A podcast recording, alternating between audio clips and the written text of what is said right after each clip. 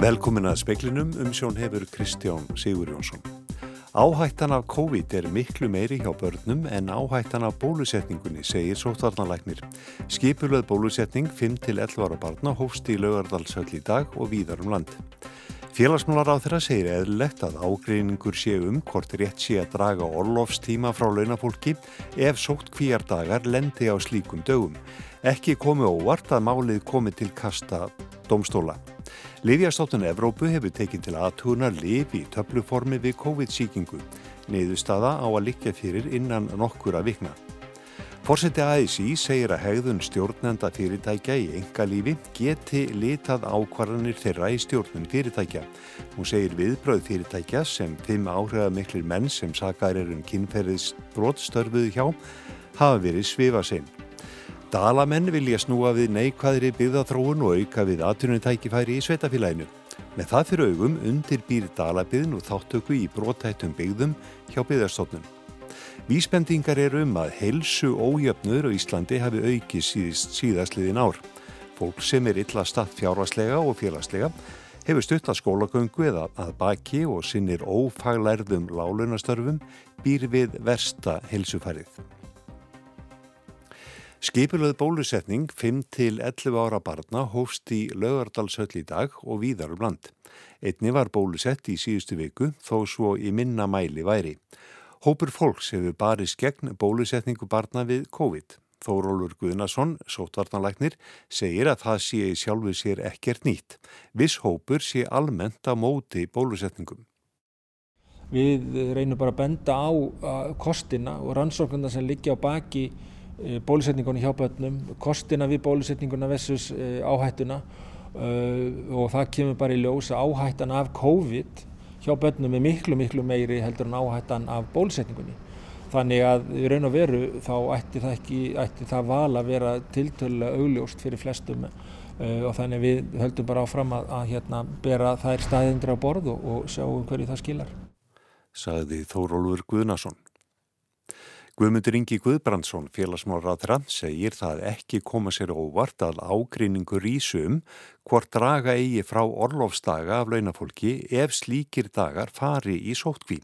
Alþjóði samband Íslands hyggst stefnaríki og sveitafélagum fyrir dóm til að fá úr þessu skorið. Ég held að þetta mál verði bara að fá að eiga sinn farveg fyrir domstólum ef að svo leið hefur verið valinn en þetta er auðvitað eitthvað sem að kemur mér í sjálf og sér ekkert á óvart að komi upp að þetta sé atriði sem að komi til skoðunar. Svo ég reynir nú orða þetta almennt og eru kannski bæði raug með og móti í þessu. Það fer kannski svolítið eftir því hvers eðlis sóttkvíin er. En ætla svo sem ekki að tjá mig frekar um þetta ef að málið er að fara fyrir domstóla hvort þið er. Finnst þér þetta sangjant? Það fer kannski svolítið eftir því ertu í fríi þar sem að þú ert í rauninni búin að draga þig algjörlega út úr vinnu?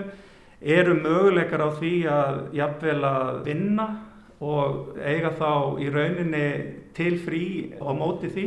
Þannig að það er margt sem að kemur þarna inn í sem að ég held að sé alveg eðlilegt að komi upp í svona saði Guðmundur Ingi Guðbrandsson. Nánar verður rætt við félagsmálar á þeirra í speiklinum á morgun um ástand og horfur á vinnumarkaði. Kaupfélag skakferðinga hefur ákveð að hætta framleiðslu á jurtaprótein driknum teig og taka hann strax úr sölu. Það er vegna frásagna um ofbeldi að hálfu líkamsræktar þjálfarans Arnars Grants sem þróaði drikkin í samstarfi við KS. Stundin greindi frá þessu síðdeis og segir Magnús Freyri Jónsson, frangvanda stjóri mjölkursamlags kaupfélags skakferðinga, að þetta sé gert vegna frásagnar Vítalíu Lasarefu um brot Arnars. Byrjað er að fjarlæga drikkin úr veslunum og loka, og loka síðum á samfélagsmiðlum tengdum driknum. Sérfræðingar Livjastofnunar Evrópu hafa tekið til aðtugunar liv í töfluformi við COVID-síkingu sem bandariska fyrirtæki Pfizer framleiðir. Niðurstöðu er að vænta innan nokkura vikna. Livið kallast Paxlovid. Það er sagt að draga úr líkum á að fólki áhættu hópi lendi inn á sjúkrahúsi eða degi að völdum COVID-19 en bent hefur verið á að það virkið því aðeins að það sé tekið innan 5 sólaringa frá því að fólk smittast. Samkvæmt rannsókn Pfizer minka líkurnar á innlogn á dauða um 90 af 100. þá eru aukaverkanir sagðar mildar.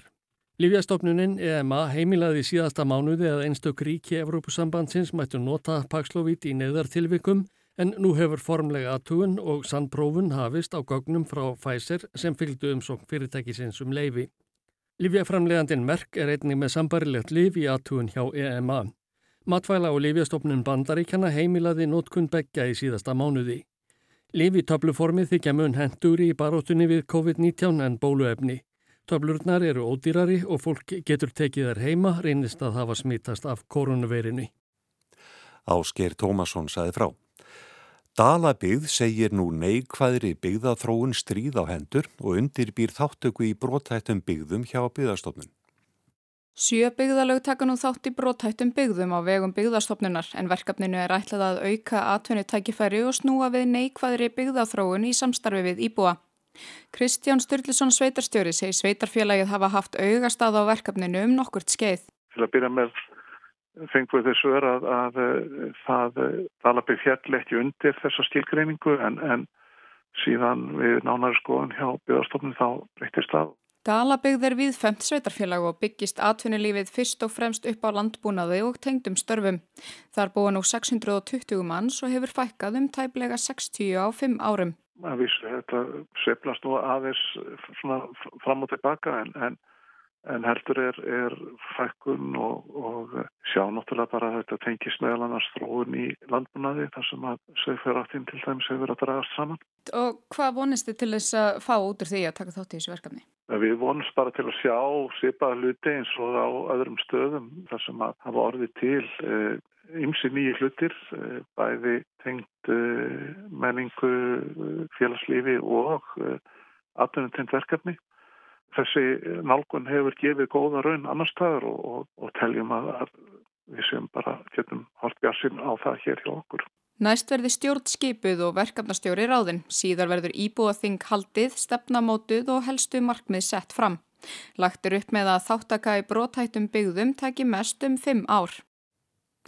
Elsa Maria Guðlögs drífudóttir talaði við Kristján Sturluson. Yfirmaður dönsku leinithjónustunar er í gæsluvarðhaldi grunar um af að lekið trúnar upplýsingum. Varðhald sjálfs yfirmanns dönsku leinithjónustunar var upplýst í réttarhaldi í bæjarétti köpmanahafnar í dag en hann mun hafa verið handtekinn í annar viku desember. Þrýr aðrir hátsetti leinithjónustumenn voru einni handteknir en þeir sitt ekki lengur í gæsluvarðhaldi. Madurinn, Lars Finnsen, hefur verið yfirmaður forsvarets eftirretningstjeneste, leinithjónustu hersins, síðan 2015. Mikið leint hefur hvilt yfir rannsók málsins og það var fyrst í dag að nafnleind var aflétt að kröfu Finnsens sjálfs. Ekki hefur heldur verið upplýst nákvæmlega mynd brot Finnsens að sögna fréttaskýrinda danska ríkisútvarsins Trine Maria Ilsø. Vi har ikke fået, måtte få at vide, hvad det er præcist, øh, man mener, at Lars øh, Finsen han er mistænkt for at have gjort. Fram hefur komið að Finnsen er ákjærðu fyrir brot á laga ákvæði þar sem meðal annars er fjallað um landráð. Finnsen kallaði til fréttamanna þegar hann var færður úr réttarsalnum að hann væri saklaus og málið væri hrein vitfyring og það mætti gjarnan vittnaði þau orð hans. Finnsen og fleiri yfirmenn leinið þjónustu stopnarna Dana voru sendir í leifi í ágúst 2020 eftir að uppljóstrarar grindu frá því að leinithjónustan hefði njóstnaðan danska borgara. Þeir voru hreinsaðar af öllum ásökunum í desember byrjun áður en Finnsen var svo handtekinn. Bói Ágússon saði frá. Hósta faraldur geysar nú hjá hundum á höfuborgarsvæðinu og týjir tilkynninga hafa borist matvælastofnum síðustu daga um smitaða hunda. Þóra Jónsdóttir dýralæknir gælu dýra hjá MAST ráleikur fólki að forðast algengustu viðrunarsvæði hunda. Hótelhósti kallast þekkt öndunar þæraveiki hjá hundum og getur átt sér ýmsar útskýringar, bæði veirur og bakteríur. Hósti er algengasta einkennið en útferður nefi og augum, slappleiki og listarleysi eru á meðal annara einkjanna, segir Þóra Jónasdóttir dýralæknir gæludýra hjá Matvælastofnun. Já, það virðist vera ofanlega mikið. Það við hann fengið bara núna frá áramótum um það tilkynningu um á nokkrum dýralæknum. Það eru millir 60, 70, 80 tilfelli á þessum nokkru dögu þannig að það verður að teljast óanna mikið. Síkin er alla jafna ekki lífsættuleg og batnar flestum hundum á rúmri viku. Einstaka hundar geti þó orðið meira veikir og fengið til dæmis mikinn hita eða lúnabólku einkenni. Þóra segir að í þeim tilfellum sé ráðlegt að leita til dýralæknis. Mikilvægt sé að ringja á undan sér og býða með hundin úti í bíl til að smita ekki aðra hunda. Við eh, ráðlegjum fólki kannski sem fyrirbyggjandi að, að reyna að forðast algengustu hunda viðrun á svæðin en við höfum einnig þetta stafn náttúrastofnun í samvinnum til unnastöðu háskólans að keldum. Þetta stafn rannsóknarverkefni til að reyna að finna út úr því hvað getur verið að valda þessum smittandi undun að fara einkennum. Það var nokkri dýralæknar sendin síni bara til að kanna einmitt hvort það gæti verið eh, COVID-19 veiran frá heimilum sem eru með smitti. En það er allt neikvægt sem hefur komið sagði Þóra Jónastóttir. Þórgnýr Einar Albersson talaði við hana. Ara Edvald var í gær sagt upp störfum sem framkvæmda stjóra Ísegar útflutnings EHF, dótturfélags samvinnufélagsins auðhumlu. Fjórir aðrir áberandi menn í viðskiptarlífinu sem sagaðir hafa verið um kynferðisbrott hafa einnig stíið til hliðar eða hætt störfum sínum senustu daga vegna ásakana um kynferðisbrott. Greint er frá því kjarnanum um helgina að miðlinn hafi heimildir fyrir því að þrýr mannana hafi í lok seinasta árs fengið þau ráð frá almannatengli um að segja að þetta veri kæftasaga og best væri að þeia málið af sér. Það gekk þó ekki því seinustu viku sögðu þeir sig frá stjórnummennsku og öðrum störfum sínum hver á fætur öðrum.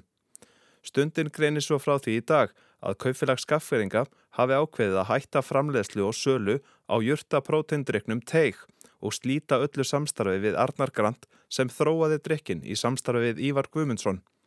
Haftur eftir Magnúsi Frey Jónssoni, framkvæðastjóra mjölkursamlagsins, að algjör forsöndubrestur sé komin upp í samstarfi KS og Arnars og vörurnar verði teknar úr hillum verslana á næstu dögum.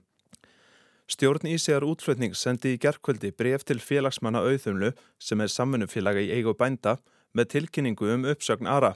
Stjórnin hafði vittnesku um málið frá því í oktober í fyrra. Upplýsingar um málið eru sagðar hafa verið ónákvamar en málið hafi strax verið tekið alvarlega og stjórnin hafi margóft fundað um málið með ARA og ánhans.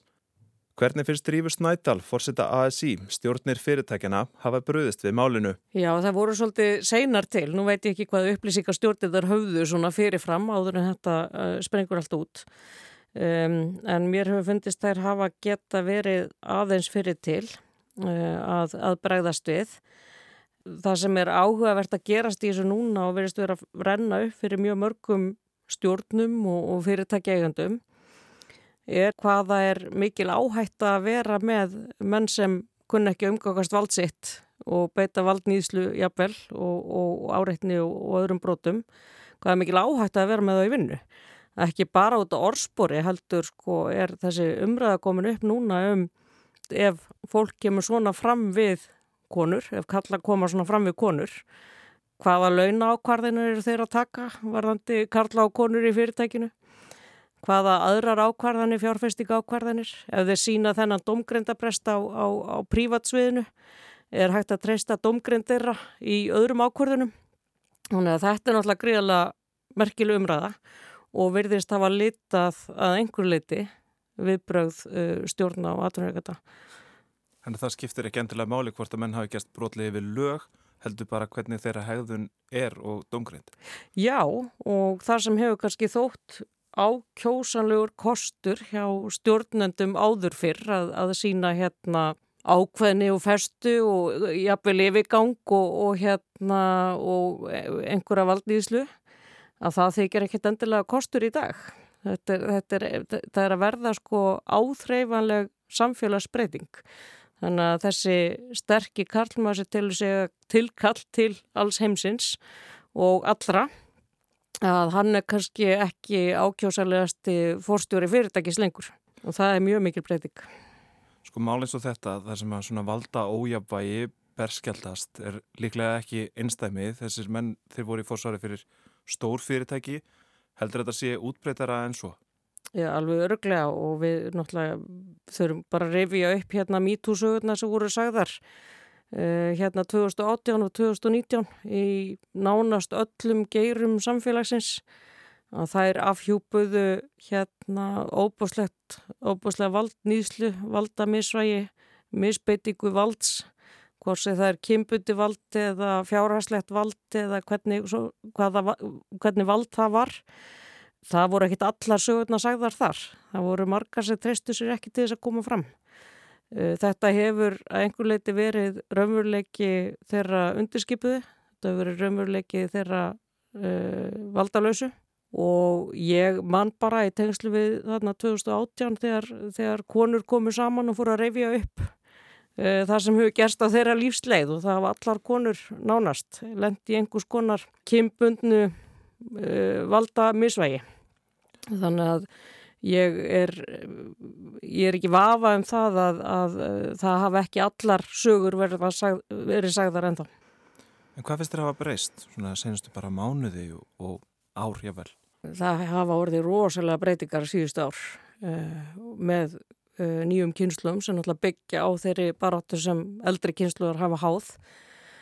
En þessi tótt sem maður heyri núna hjá ungum konum sem segja bara, byttu, okkur má ekki bara segja satt, okkur má ég ekki segja þetta, okkur má ég ekki nafngreina, uh, hérna, það er, það er orðið eitthvað meira rými fyrir ungar konur til að tjá sig og þær þurfa ekkert að vera sko, uh, eins og ég orðaði það í pisli hennir fullkomnu fórnalömp, þær þurfa ekki að vera fullkomnar eða óskekular eða flekklusar eða neitt slíkt þess að taka sér valda tjá sig að, að það með ekki koma fram við, við þær svona.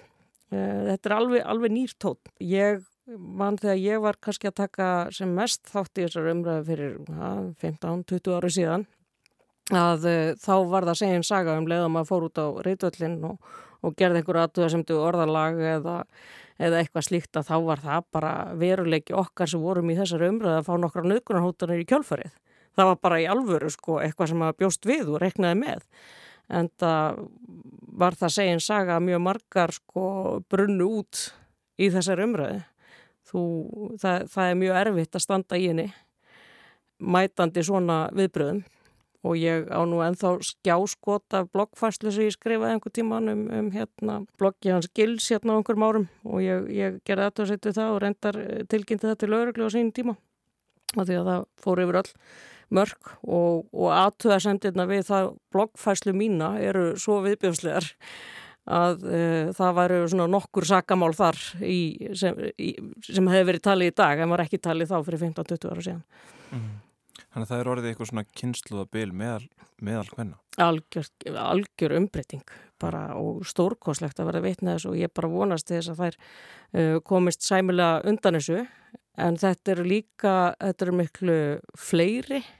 Uh, við erum búin að vera með fríðun yppul, við erum búin að vera með drauslugönguna, við erum búin að vera með MeToo, það er svo margt sem hefur gerst, sem hefur einhvern veginn eld og styrt konur til að segja frá.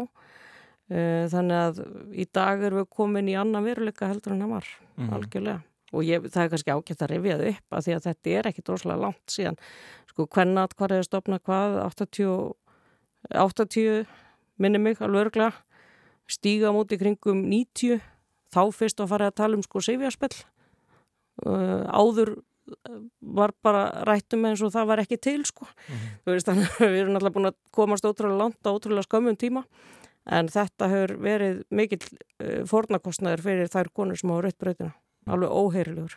Ef við vikjum aðeins aftur að, sko, að fyrirtækjunum, viðbrasleysi eins og til að mynda hjá, hjá Ísei útflutningi, þeir segja í sínu tilkynningu ekki ær að það voru vatna skil í seinustu viku sem hafa voruð til þess að að rættvald var, var sagt upp. Mm. En hvaða vatnaskil urðu önnur en þau að það var að fara að fjalla um þetta? Já, það verið vatnarskilin. þetta varð opibert og þá var ekki hægt að, að hérna, þakka þetta lengur. Það var ekki hægt að þykjast ekki vita. Eh, þannig að þannig urðu vatnarskilin. Án þess að ég viti hvað stjórnin vissi fyrirfram.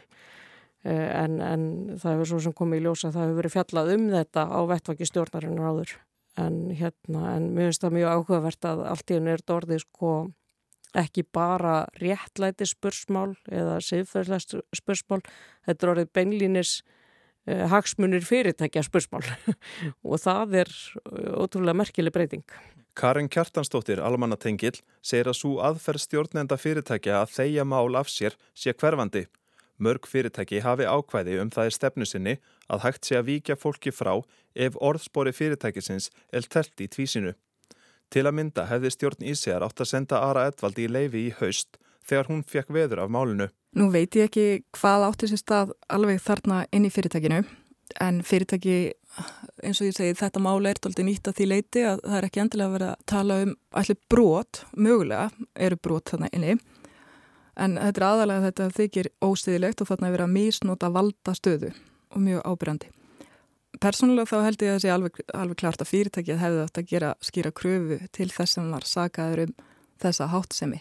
En ég veit í rauninni ekki hvernig, hvernig það var og stundum er erfitt að breyðast við. Það er bara kannski ekki til ferlar til þess að vikja, vikja fólki úr sæti en manni sínist á þessu að það hafi reynilega verið að reynda að býða það af sér.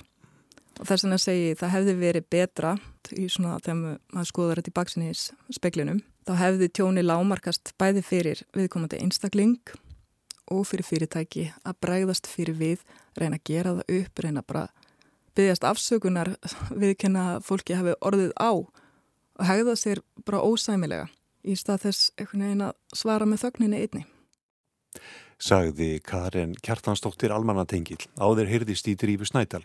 Bjarni Rúnarsson rætti við þar. Nánar verður rætt við Karin í speklinum á morgun.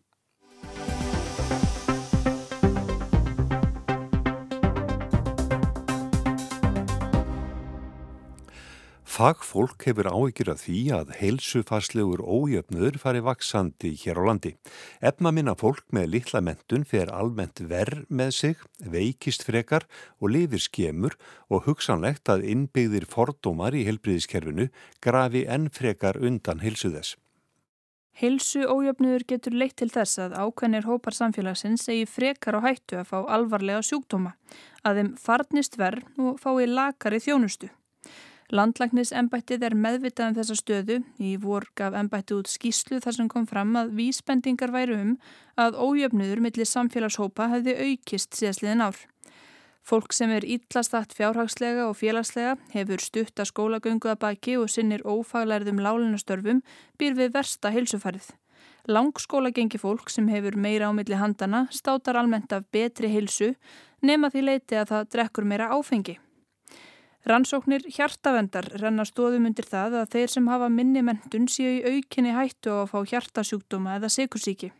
Tór Aspelund, tölfræðingur hjartavendar, segir að rannsóknir fyrirtækisins á þessu verði byrtar á næstunni. En hvers vegna telur hann þennan ójöfnu til staðar?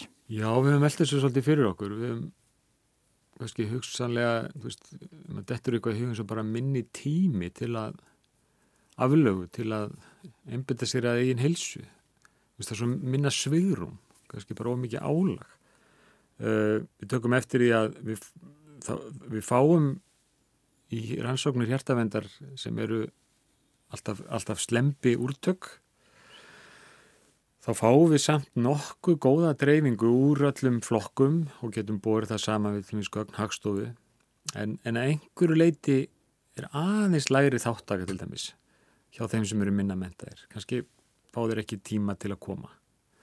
Og það getur verið meira svona sem að fyldi því að vera undir álægi kannski.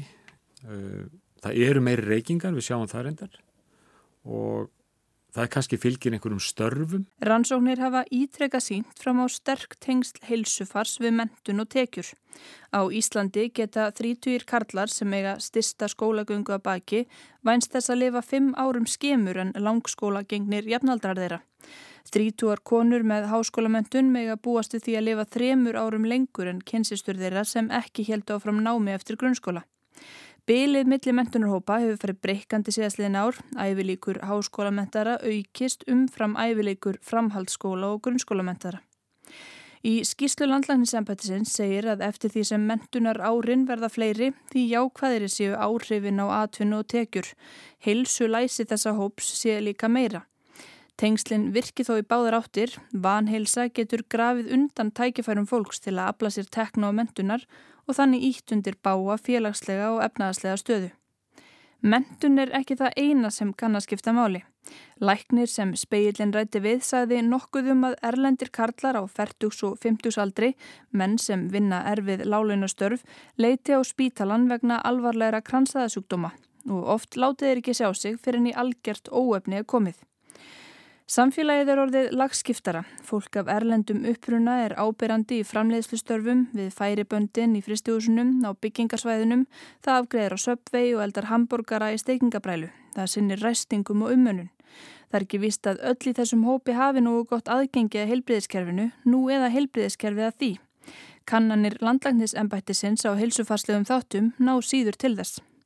Halla Þorvaldstóttir, framkvæmdastjóri Krabbaminsfélagsins, segir að stjórnvöld þurfa að taka tillit til þess að samfélagi sé orðið fjölbreyttar en það var og það flæki líðhelsustarf. Þegar við erum sko að ná mestum árangur í sambandi við reykingavarnir að, eða tópaksvarnir að þá erum við þetta með mjög einsleitt samfélag. Núna erum við með svo miklu, miklu fjölbreyttara samfélag. Fólk sem er af ólíkum uppruna til dæmis og eh, við höfum áhugjur af því hjá krabbminsfélaginu að kerfið í heild þurfi að gera miklu betur til dæmis í þessu tilliti til að ná til allra íbúa landsins. Við erum að sjá merki í löndunum í kringum okkur e, í tengslum við krabbamenn þar sem að, e, hvað var að segja, ójöfnuður, félagslegur ójöfnuður og ólíkt aðgengi að heilbreyðistjónustu í tengslum við félagslegan ójöfnuð er að hafa miklu, miklu meiri áhrif heldur en áður. Hún segir mikilvægt að tryggja jamt aðgengi að heilbreyðistjónustu og það snú ekki einungis að því að tryggja að fólk hafi efni á því að leita til læknis. Aðgengi snýst líka um upplýsingar, bæði hvernig við fáum upplýsingar um það hvert við hefum að leita.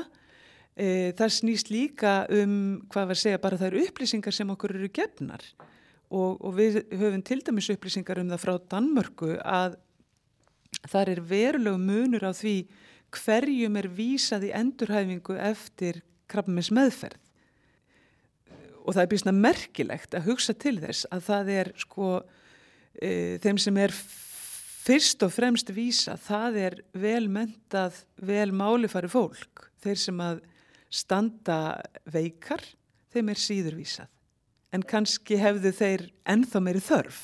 Svo virði sem það kunni að vera innbyggðir fordómar í kerfinu. Í grein sem byrtist í læknablaðinu árið 2000 gerðu nokkrir fræðimenn tilrönd til að varpa ljósaða hvers vegna mentaðir Íslandingar lifa lengur. Niðurstaðan var svo að ekkert samband fannst millir mentunar og þekkingar fólks á áhættu þáttum gransaðasúkduma. Aftur á móti voru langskóla gengnir þáttakandur líklegri til þess að þekka heilbriðistarsfólk personlega og njóta ráðlegginga þess varðandi heilsufar og meðferð sjúkdóma. Höfundar rannsóknarinnar veltuði fyrir sér hvort viss heilbriðistjónusta kunna vera innbyggð í félagsleg tengsl meira mentaðara. Sérfræðingar hafa líka velt fyrir sér hvers vegna lífslíkur Karla hafa batna meira en hvenna undanfærin ár og íslenskar konur dreyjist aftur úr í alþjóðlegum samanbyrði.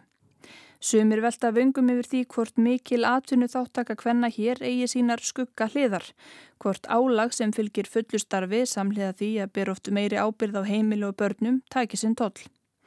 Halla segir heilsu ójöfnuð og orsakir hans ekki hafi verið rannsakaðar að ráði hér. Það er erfitt að segja nákvæmlega til um hvað er þarna á ferðinni.